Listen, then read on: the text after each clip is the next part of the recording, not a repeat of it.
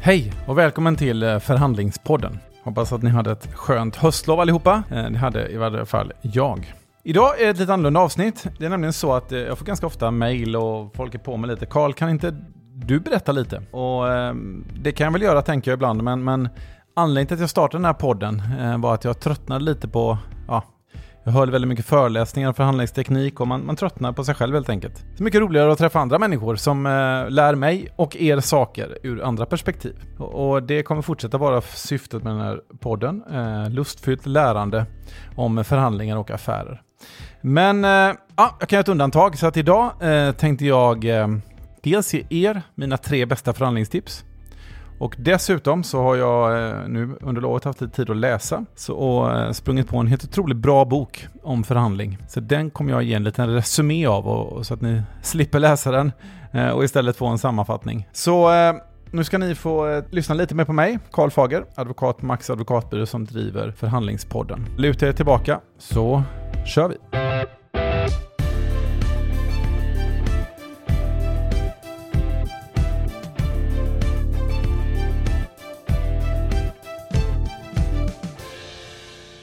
Så, ja Karl, hur mår vi idag? Vi mår alldeles utmärkt, eller hur? Och eh, frågan är då först, vilka är mina tre bästa förhandlingstips? Och eh, ett syfte med den här podden är lärande. Och lärande om förhandlingar. För tänk ändå, någonting som vi gör så mycket. Vi förhandlar både privat och professionellt. Men hur lite tid vi lägger på att ändå studera det här fenomenet. Hur lite tid vi lägger på att på något sätt tror jag reflektera över vår egen förhandlingsteknik. Hur lite tid vi lägger på att ge varandra feedback på förhandlingsteknik. Så eh, det är väl min, eh, mitt första tips, det är att öva och var väl förberedd.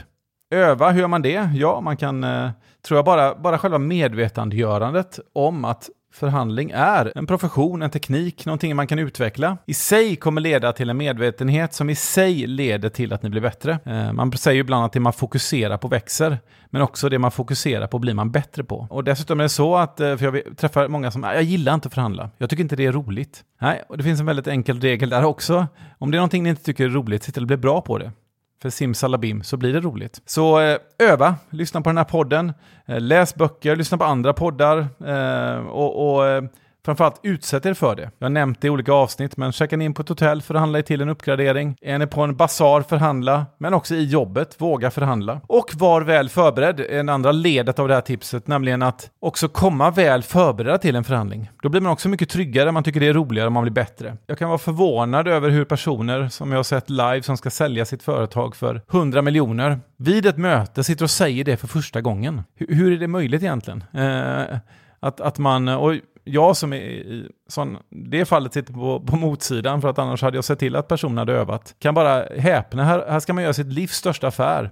Men det är väldigt, väldigt uppenbart att man är relativt oförberedd och man har inte övat innan. Så öva och var väl förberedd. Så eh, ska ni se att ni, eh, det kommer hända ganska mycket tror jag. Ganska fort. Eh, det var rätt kul, jag minns jag höll en föreläsning en gång om förhandlingsteknik och så fick jag ett mail dagen efter Eh, från en eh, person som hade varit på föredraget och sa eh, Karl, stort tack för, för ditt föredrag. Ehm, nu har jag börjat jobba med det här och idag så tjänar jag 200 000 extra. Oj, kul. Men jag tror att det visar att det här är liksom inga det här är ingen reaktorfysik, det här är inga konstigheter, utan ut och gör det bara. Tips två, tålamod och respekt.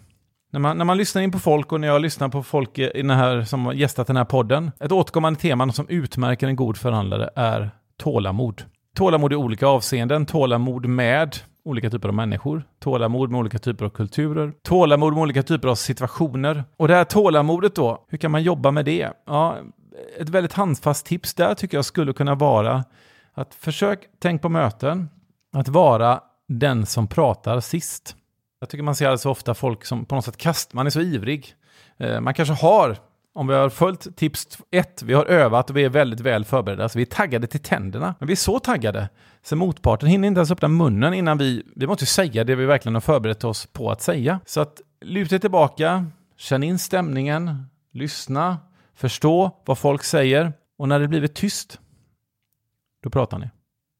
Det kommer också leda till att ni, man får en lite större, pratar om det här med, med pondus, jag tror att pondus och tålamod hänger ihop lite. Eh, jag tycker inte att en person som är burdus och framfusig har pondus på ett naturligt sätt. Däremot en person som är trygg i sig själv, eh, lite tillbakalutad, lyssnar in och har tålamod får en naturlig auktoritet och pondus. Så att våga jobba med det tålamod, våga ha tålamod. Ibland kan det klia i fingrarna, men eh, ta det lugnt då. Och respekt. Tålamod och respekt tycker jag hänger ihop. Respekt för andra människor. De här mjuka värdena är synnerligen viktiga. Ta reda på vem ni ska träffa innan. Fundera på hur den här personen vill bli bemött. Respekt för andra kulturer. Ehm, det är ett tema som vi har haft uppe i podden, vi kommer fortsätta att jobba med. Ehm, nämligen att det är helt annorlunda att förhandla med en korean än att förhandla med en norrman. Och det ska man respektera. Ni ska ta seden dit ni kommer. Ni ska inte förutsätta att de gör det. Förhoppningsvis gör de det också och så möts man. Och, och respekt för min del handlar också om att visa nyfikenhet. Jag tycker att när jag är ute och reser och gör affärer så försöker jag alltid lära mig några ord på det landets språk. En väldigt enkel sak som ja, för min del är det, ja, jag är nyfiken. Jag, jag vill försöka lära mig hur, ert språk. Jag kom, inser såklart att jag inte jag är långt ifrån något språkgeni, så jag kommer liksom aldrig komma hela vägen där. Men det visar ändå eh, en, en, respekt. Eh, så det, det, kan vara också ett litet tips, att lära dig lite small talk på eh, mottagarlandets språk. Lite svårare om det är ryska eller kinesiska, men några ord kan man alltid... Eh, hej och skål och några sådana ord funkar alltid att lära sig tycker jag. Alright, vi har övat. Vi är väl förberedda. Vi visar tålamod och respekt. Sista tipset, energi framåt. Vi får inte bli så fast i tanken på att göra en bra förhandling att vi glömmer av att vi ska göra en affär. Det var inte så länge sedan jag skulle föreläsa om förhandlingsteknik och så blev jag ombedd, Karl, kan du inte prata lite försäljning också? Eh, och det gör jag ibland, så att, eh, det kan jag absolut göra tänkte jag. Men jag märker också hur att det här går väldigt mycket i varandra. För man förhandlar ju för att göra en affär och man säljer för att göra en affär. Så förhandling och försäljning är ju nästan två sidor av samma mynt. Då handlar det om att ha energi framåt. Att man hela tiden tänker på det. Även när det är som mest låst, det finns någonting som man kan komma överens om, eller det finns någonting man kan enas om, som gör att energin är framåt. Ni kan bli världens bästa förhandlare, men om ni blir världens bästa förhandlare som aldrig gör några affärer, så är det inte så mycket värt. Så att det gäller att komma ihåg det här med energi framåt. Och det tror jag man kan känna i en affär. Tror om ni reflekterar lite över de affärer ni gör så kan man känna om en affär står still eller om den går framåt eller i värsta fall om den går bakåt. Var en person, vad har de eh, tentaklerna ute, att ni känner det hela tiden. Det är okej att det står still ibland. Men det ska ändå finnas en underliggande energi framåt och det åligger er att se till att det blir på det sättet. Så således, öva och var väl förberedd.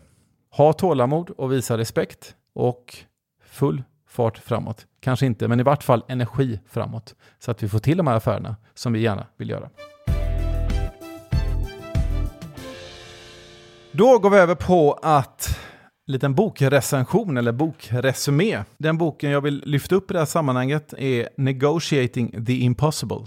Att förhandla det omöjliga med Deepak Malhotra. En eh, otroligt bra bok på temat förhandling. Bokens utgångspunkt är på något sätt att, att hur löser man väldigt svåra förhandlingar? Eh, och, och, vilka verktyg kan man använda för att ändå få dem att gå i mål? Och eh, boken är indelad i tre sektioner och egentligen varje sektion är ett sånt här verktyg som man kan använda för att lösa alla situationer. Och jag tänkte gå igenom dem med er. Den första är The Power of Framing, alltså kraften i hur man paketerar någonting. Boken tar lite olika exempel, den tar, har rätt, rätt roliga historiska fall som, som den lyfter upp för att visa på kraften i, i det här fallet då, paketering. Och jag drar mig till minnes när jag satt med Jan Eliasson och poddade. Och eh, det är ett fall tycker jag som väldigt tydligt visar the power of framing. Nämligen att det var när det var eh, inbördeskrig i Sudan och man hade stort antal flyktingar som behövde förnödenheter för att överleva. Och för att få till det så förhandlade man om en vapenvila. Men det gick inte att få till.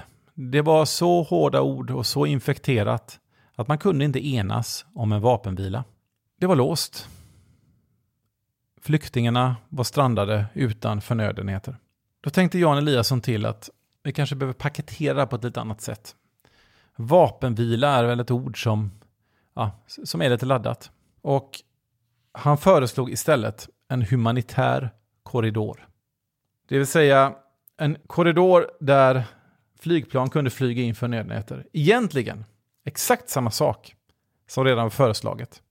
Men istället för en vapenvila så föreslogs en humanitär korridor. Vem säger nej till en humanitär korridor? Ingen visade sig. Och man landade detta. Helt genom att tänka paketering. Och det här tror jag är väldigt viktigt att man har med sig, nämligen det här förslaget som, nu, som man kanske diskuterar vid ett bord. Hur kommer det landa för mig? Men hur kommer det landa för motparten? När motparten går till sin styrelse, eller till sin personal, eller till media, eller till sina kunder och presentera det här. Hur kommer det här te sig? Och boken presenterar, tycker jag, en väldigt, väldigt eh, elegant eh, lösning där. Jag har faktiskt redan använt det själv en gång med, med, med framgång märkte jag. Nämligen att ni ska tänka ut motpartens vinnartal. Det vill säga den ni förhandlar med. Hur ska den kunna gå tillbaka till sina beslutsfattare eller de som är beroende av den här förhandlingen och få detta att framstå som att de har vunnit? För om det inte är så, så kommer de förmodligen inte gå med på det ni föreslår. Så att skriv motpartens vinnartal tycker jag är någonting, eh, ja det var liksom en liten en, en ögonöppnare för mig. Jag tycker det är en väldigt, eh, väldigt effektfull sätt att tänka. Nästa sektion är the power of process.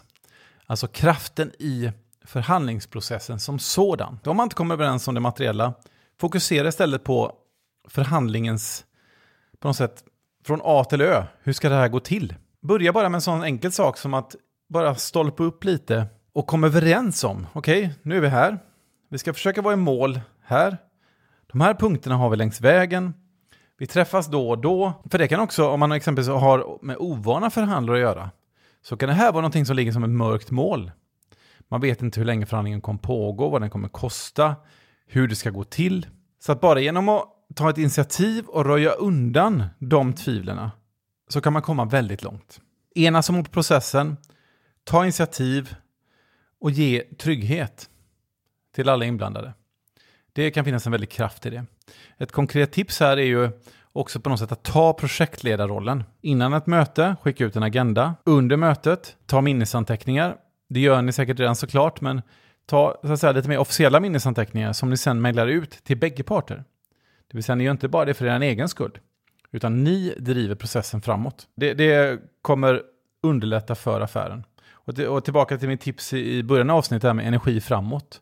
Hittar man inte energin framåt i det materiella, man kommer inte överens om vissa punkter, okej, okay, men hittar en energi framåt är att, okej, okay, men nu är vi i vart fall överens om när vi ska prata, hur vi ska prata och vad vi ska prata om. Och vem vet, så kanske det kan leda till att skapa en energi som börjar lösa upp lite andra knutar också. Det var the power of process. Det sista är the power of empathy. Kraften i empati. Och inte, med empati kanske vi tänker lite mer att man, ja, man kan känna medkänsla och, och sådär. Och det, det är det väl till viss del, men här är det framförallt kraften i att förstå. I boken tas Kubakrisen upp som exempel. Jag vet inte om ni minns den. Det var lite före min tid, i början på 60-talet, som eh, ett amerikanskt eh, plan flög över Kuba och noterade att eh, Kuba höll på att montera kärnvapen. Kärnvapenrobotar. Och eh, det mottogs såklart med bestörtning eftersom Kuba ligger ju väldigt nära USA som ni vet. Man hade två val i eh, kabinettet där. Eh, president John F Kennedy samlade sina närmaste män och kvinnor. Och man hade två val, antingen slå tillbaka hårt, egentligen en invasion av Kuba för att undanröja de här kärnvapnena Eller en lite mjukare linje, vänta och se-linje kan man säga. Och initialt var egentligen alla inne på en kraftig reaktion, eh, invadera Kuba. Det var liksom den linjen som det verkade gå mot. När John F Kennedy ställde sig frågan, men vänta lite, varför gör de så här egentligen? Det var ju också Ryssland då som, Ryssland och Kuba. Varför gör Ryssland så här? Vad ligger bakom detta? Ni minns vad jag sa om tålamod? Vi lyssnar in lite, vi försöker förstå. Och det visar sig att USA hade liknande vapen i Turkiet och Italien. På avstånd till Ryssland. Det fanns en oro kring detta. Eh, och, och, när John F Kennedy förstod det sa han, vänta lite, vi, vi väntar lite här nu. Vi förstår, försöker förstå lite mer vad som ligger bakom detta. Och, och John F Kennedys förmåga att i det, just den väldigt, väldigt tillspetsade situationen lyssna istället för att lite mer instinktivt agera anses ju ha undanröjt vad som förmodligen skulle blivit ett, ett tredje världskrig eh, med de följderna som, som hade varit väldigt, väldigt otäcka såklart. Så det visar lite vikten på att förstå. Just det här med att förstå någon, det tycker jag att eh, där kan man bli bättre. Nämligen lite på hur ni lyssnar. Väldigt många, det finns ju olika grader av hur man lyssnar. Många människor lyssnar ju, kanske tyvärr, man lyssnar för att fundera på vad man själv ska säga. Men det är inte att lyssna på riktigt. Och boken pratar lite om det här med att på något sätt att lyssna för att förstå på djupet. För det är nämligen så. Det händer något magiskt när man förstår. Man blir förstådd. Jag kommer ibland in i situationer där man har två parter som, och det har låst sig lite. Och när jag pratar med ena sidan så säger de ofta, ja men de förstår inte vad vi säger. Så lyssnar jag på andra sidan och så säger de samma sak. Så att det finns en ömsesidighet i detta. Antingen förstår man varandra eller så förstår man varandra inte. Och då kan man inte börja med att konstatera att de inte förstår oss, för det leder ingen vart. Utan ni måste börja med att förstå. För om ni förstår, då kommer ni också bli förstådda. Och det här kräver som sagt att man tar det här en vända till. Man går lite mer på djupet för att komma hela vägen. En annan sak som tas upp i den här sektionen som jag tyckte är väldigt intressant är det här med ultimatum. Förhandlingsultimatum och vikten av att man ska använda det så lite som möjligt. Därför att vad man gör när man sätter ett ultimatum av typen om ni inte går med på det här så blir det ingen affär. Då skapar man låsningar för sig själv. Man skapar också låsningar för motparten och man på något sätt begränsar förhandlingen på ett sätt som inte är bra helt enkelt. Eh, så försök att undvika att ställa ultimatum. Och vad, vad gör man då om motparten inte har lyssnat på det här poddavsnittet eller inte har läst den här boken? Ja, om ni får ett ultimatum till er så finns det egentligen två metoder. Första är att se om ni kan ducka och låtsas som att ni inte hörde det. På samma sätt som man ska bra sätt att bemöta ett bud som man inte gillar. Det andra är att hjälpa motparten att omformulera det så att det blir mindre ultimativt. Det skulle kunna vara så här att om inte vi får det här nu så lämnar vi förhandlingsbordet på söndag. Okej, okay? kan ni svara då? Jag hör vad ni säger. Vi förstår att det är en viktig fråga för er. Och eh, låt oss jobba med den under den här veckan och se lite hur vi tar det framåt därefter. Så att vi kan väl ha en ny avstämning på lördag. Något sådär så att man på något sätt mjukar ultima deras ultimatum i kanterna. Det är också ett sätt att på något sätt eh, hantera den frågan. Så eh, ja, eh, om ni efter detta blir mer sugna så finns ju den här boken i de flesta mm, ja, bokhandlar och sådär. Eh, Väldigt väl värd tycker jag. Ett eh, par timmar ta tar den att läsa, men ägna den gärna den tiden. Negotiating the Impossible med Deepak Malhotra. Och med det sagt, nu har ni fått mina tre bästa förhandlingstips och eh, också fått en liten genomgång av en väldigt, väldigt bra förhandlingsbok. Så eh, ta med er detta, eh, ut med er och gör riktigt bra affärer så hörs vi om en vecka igen. Tack ska ni ha allihopa, sköt om er.